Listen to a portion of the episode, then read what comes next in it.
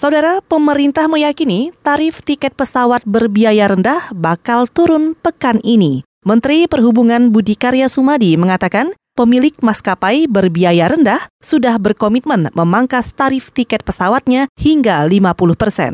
LCC automatically itu pasti di bawah. Nggak mungkin LCC lebih mahal. LCC itu biasanya bertarung di tarif batas bawah. Itu yang kita selalu larang kalau di LCC. Dia selalu ingin lebih rendah, lebih rendah. Makanya kemarin kita naikkan 35 persen jadi 30 persen bukan karena apa-apa. Kita minta bahwa mereka itu juga menjaga safety.